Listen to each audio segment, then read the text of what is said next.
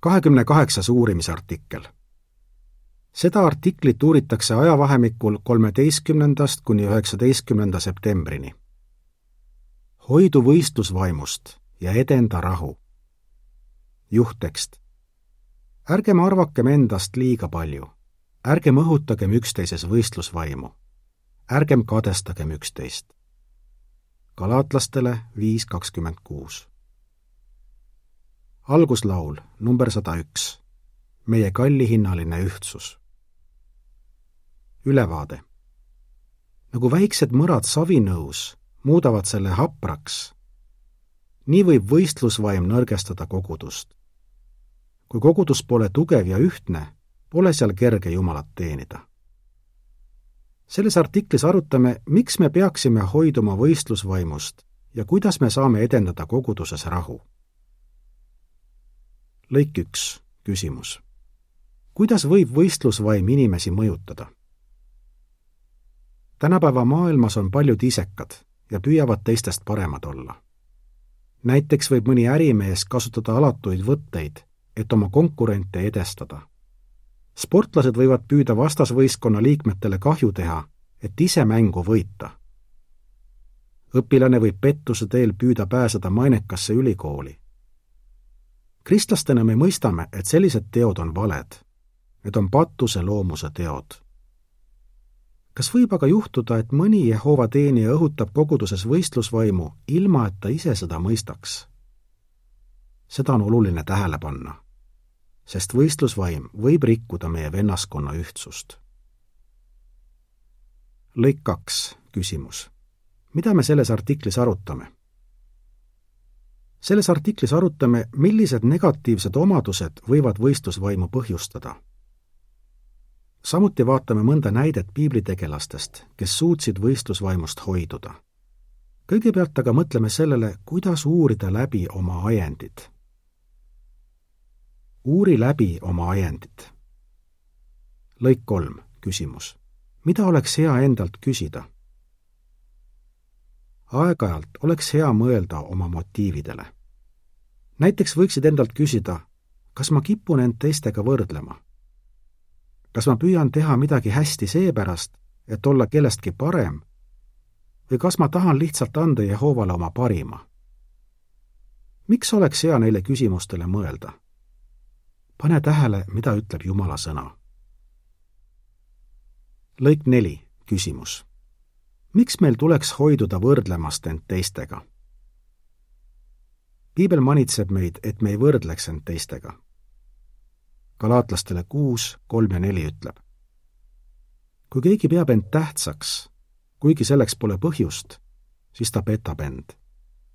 igaüks mõelgu omaenda tegude peale, siis on tal põhjust tunda heameelt iseenda üle ja mitte võrrelda end teistega kui me mõtleksime, et oleme kellestki paremad, siis võime muutuda uhkeks. kui aga leiaksime end teistega võrreldes, et oleme kehvemad, võime masenduda. kumbki mõtteviis poleks tasakaalukas. õde Katariina, kes elab Kreekas, ütleb, mul oli tavaks võrrelda end nendega, kes näisid olevat kenamad, tublimad kuulutajad ja seltsivamad. seetõttu tundsin, et ma pole midagi väärt meil tuleb meeles hoida, et Jehova ei tõmmanud meid enda juurde mitte seepärast, et me olime kenad, sõnaosavad või teiste silmis populaarsed, vaid sellepärast, et ta nägi, et meis võib hakata võrsuma armastus tema vastu ja et me oleme valmis kuuletuma tema pojale. lõik viis, küsimus. mida me võime ühe venna elust õppida? Samuti tasuks meil mõelda sellele, kas oleme rahumeelsed või kas meil on sageli teistega erimeelsusi. mõtleme ühele vennale, kelle nimi on Hyun ja kes elab Lõuna-Koreas. varem suhtus ta vendadesse, kel samuti olid koguduses vastutusrikkad ülesanded, kui oma rivaalidesse. ta sõnab, olin nende suhtes kriitiline ja ma polnud sageli nõus sellega, mida nad ütlesid. minu selline suhtumine rikkus koguduse ühtsust Janni sõbrad aitasid tal mõista, milles tema probleem seisneb. ta tegi vajalikud muudatused ja praegu on ta tubli koguduse vanem. kui me tajume, et meist tõstab pead võistlusvaim, siis tuleb meil midagi ette võtta. hoidu egotismist ja kadedusest. lõik kuus, küsimus. millised omadused soodustavad võistlusvaimu? Galaatlastele viis kakskümmend kuus ütleb. ärgem arvakem endast liiga palju. ärgem õhutagem üksteises võistlusvaimu. ärgem kadestagem üksteist. millised omadused soodustavad võistlusvaimu? üks neist on egotism ehk eneseupitamine ja kalduvus endast liiga palju arvata. egotistlik inimene on uhke ja isekas. teine halb omadus on kadedus kade inimene mitte üksnes ei ihalda endale seda, mis teistel on, vaid ta tahaks selle koguni teistelt ära võtta. seega võib öelda, et kade inimene mingis mõttes isegi vihkab teisi. me tahame sellistest halbadest omadustest hoiduda otse kui katkust. lõik seitse, küsimus. milline näide aitab mõista, kui ohtlikud on egotism ja kadedus? Egotismi ja kadedust võib võrrelda lennukikütuses olevate võõrlisanditega, mida ei peaks seal olema. lennuk tõuseb küll õhku, ent millalgi võib kütuse pealevool takerduda, nii et mootorite võimsus enne maandumist väheneb ja võib juhtuda õnnetus. samamoodi võib juhtuda, et keegi on pikka aega Jehovat teeninud, kuid laseb siis mingil ajal uhkusel või kadedusel endast võitu saada. ta lõpetab Jehova teenimise ja teeb kahju nii endale kui ka teistele. lõik kaheksa, küsimus. mis aitab meil võidelda egotismiga?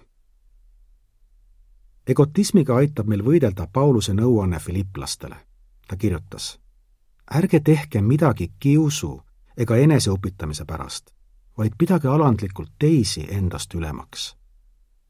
Filiplastele kaks kolm.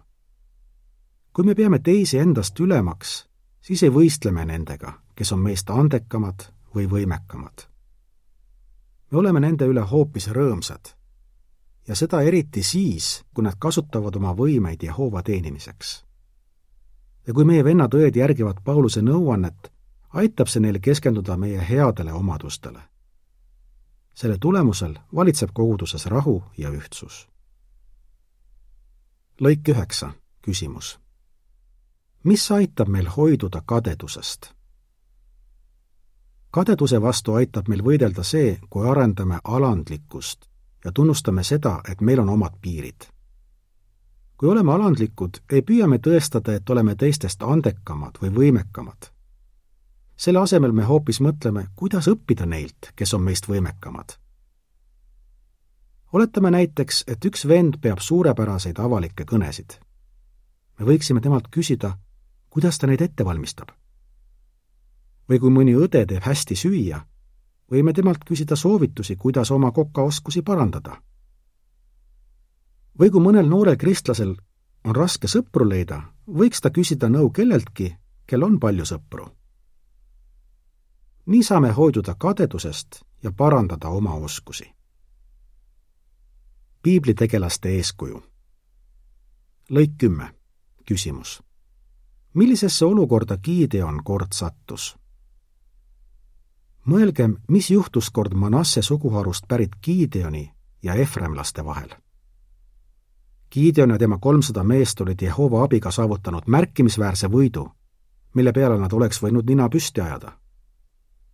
Efraimlased tulid Gideoniga rääkima, aga mitte selleks, et teda kiita, vaid et hoopis temaga riielda. Nad olid vihased sest Gideon polnud algul kutsunud neid Jumala vaenlaste vastu võitlema.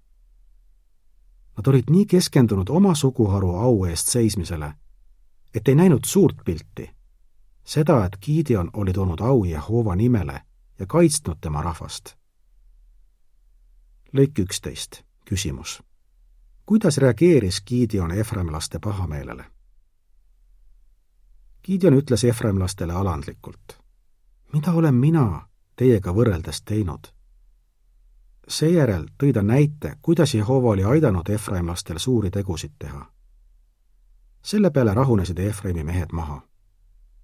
kohtumõistete kaheksa, kaks ja kolm. tänu sellele, et Gideon polnud uhke, suutis ta Jumala rahva seas rahu säilitada. lõik kaksteist, küsimus. mida me Efraimlaste ja Gideoni loost õpime? Mida me sellest loost õpime? seda, et me ei peaks muretsema mitte nii väga enda au pärast, vaid keskenduma sellele, kuidas tuua au Jehovale. eriti perepeade ja koguduse vanematena on meil Gideonilt midagi õppida. kui keegi on mõne meie teo pärast pahane, peaksime püüdma näha olukorda tema seisukohast. samuti võime kiita seda inimest selle eest, mida ta on hästi teinud. see nõuab muidugi alandlikkust, eriti kui tal pole õigus. ent head suhted vendade-õdedega on palju rohkem väärt kui enda õiguse tõestamine. lõikudega kümme kuni kaksteist seotud pildi juures öeldakse, kuna Gideon oli alandlik, suutis ta efraimlastega rahu hoida. lõik kolmteist, küsimus. milline katsumus oli Hannal ja kuidas ta sellega toime tuli? mõtleme ka Hanna peale. Ta oli abielus Leviit Elkanaga, kes armastas teda väga ent Elkanal oli ka teine naine, Beninna. Elkana armastas Hannat rohkem kui Beninnat, kuid Beninnal olid lapsed, aga Hannal polnud. seepärast Beninna muudkui solvas Hannat, et teda endast välja viia. kuidas Hanna reageeris? Hanna oli seetõttu väga kurb, nii et ta nuttis ega söönud midagi. Esimene saam oli üks, kuus ja seitse samas ei ütle piibel, et Hanna oleks püüdnud Beninnale kuidagi kätte maksta. selle asemel valas ta oma südame Jehova ette välja ja usaldas asjad tema hoolde. piibel ei räägi sellest, kas Beninna suhtumine muutus või mitte. ent me teame, et Hanna sai oma rahu tagasi ja ta polnud enam kurb. lõik neliteist, küsimus. Kuidas me saame Hanna eeskuju järgida? mida me Hannalt õpime? kui keegi püüab sinust mingil moel üle olla, siis pea meeles, et see on sinu otsustada, kuidas sa reageerid. sa ei pea temaga võistlema hakkama. selle asemel, et tasuda halba halvaga, püüa hoida temaga rahumeelseid suhteid. isegi kui ta pole nõus oma hoiakut muutma, saad sina säilitada oma sisemise rahu. Kolmeteistkümnenda ja neljateistkümnenda lõiguga seotud pildi allkiri ütleb Hanna usaldas asjad Jehova hoolde ja säilitas nii sisemise rahu. lõik viisteist, küsimus. mille poolest sarnanesid üksteisega Apollos ja Paulus? viimasena vaatame, mida me saame õppida Apolloselt ja Pauluselt. Nad mõlemad tundsid hästi pühakirja ja olid suurepärased õpetajad. Samuti olid nad mõlemad aidanud paljudel saada Kristuse jüngriks ent kumbki neist ei pidanud teist oma rivaaliks. lõik kuusteist, küsimus. milline inimene oli Apollos? Apollos oli pärit Aleksandriast, mis oli tol ajal hariduse omandamise võimaluste poolest kuulus linn. ta oli kõneosav mees ja tundis hästi pühakirja. Kui Apollos oli Korintoses, eelistasid mõned koguduses kuulata rohkem teda kui teisi vendi sealhulgas Paulust. kas Apollos ise soosis sellist suhtumist? seda oleks raske uskuda. tegelikult mõni aeg pärast Apollose lahkumist Korintosest käis Paulus talle isegi peale, et ta sinna tagasi läheks. Paulus poleks seda teinud, kui Apollos oleks koguduses lahkmeelt põhjustanud. on selge, et Apollos kasutas oma andi õigesti, selleks, et kuulutada head sõnumit ja tugevdada oma usukaaslasi samuti oli Apollos alandlik. näiteks piiblis ei öelda, et Apollos oleks solvunud, kui Akvile ja Priskilla ta enda juurde kutsusid ja seletasid talle Jumala tee täpsemini ära. lõik seitseteist, küsimus. kuidas edendas Paulus kristlaste seas rahu? Paulus teadis, kui head tööd Apollos on teinud. Ent ta ei arvanud, et tema positsioon on ohus Pauluse alandlikkus, tasakaalukus ja mõistlikkus ilmneb tema nõuannetest Korintuse kristlastele. selle asemel, et olla meelitatud, kui keegi ütles mina pooldan Paulust, suunas ta au Jehovale ja Kristusele. esimene korintlastele kolm, kolm kuni kuus. lõik kaheksateist, küsimus. milles on Apollos ja Paulus meile eeskujuks? Mida me Apolloselt ja Pauluselt õpime? võib-olla me teeme Jehova teenistuses kõvasti tööd ja aitame paljudel jõuda ristimiseni. ent me mõistame, et kõik see on võimalik vaid tänu Jehova toele. samuti õpime Apolloselt ja Pauluselt seda, et mida rohkem vastutust meil on, seda suurem võimalus on meil Jehova rahva seas rahu edendada. meil on hea meel, kui ametisse määratud meeste nõuanded põhinevad Jumala sõnal. Ja kui nad ei tõmba tähelepanu endale, vaid aitavad teistel kuuletuda Jeesusele. nii edendavad nad koguduses rahu ja ühtsust. esimene korintlastele neli, kuus ja seitse ütleb, vennad ma olen rääkinud neid asju enda ja Apollose näite varal, et te õpiksite seda põhimõtet. ära mine üle selle, mis on kirjutatud. et keegi teist ei läheks uhkust täis ega peaks üht teisest paremaks. mis teeb sind teisest paremaks? tõesti, mis on sinul, mida sa poleks saanud Jumalalt? aga kui sa oled selle temalt saanud, miks sa siis hoopled otse kui oleksid sa selle ise saavutanud. lõik üheksateist, küsimus. mida igaühel meist tuleks teha? igaühel meist on Jumala antud andeid ja võimeid. Meil tuleks neid andeid kasutada selleks, et üksteist teenida.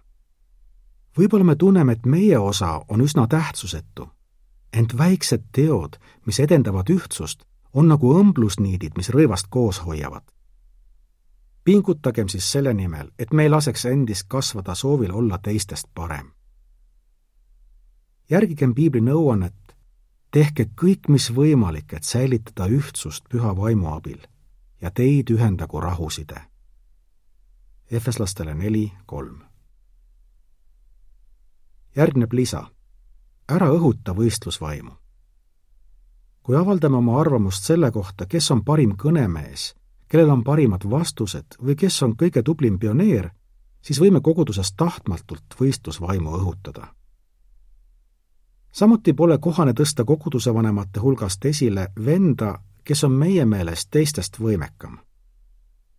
koguduse vanemad on tavalised inimesed.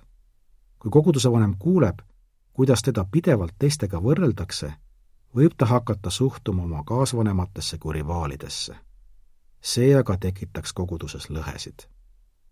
lisa lõpp. kuidas sa vastaksid? miks meil tuleks uurida oma motiive? mis aitab meil hoiduda võistlusvaimust?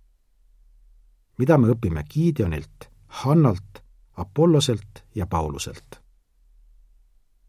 lõpulaul number kaheksakümmend. maitske ja vaadake, et Jehova on hea. artikli lõpp.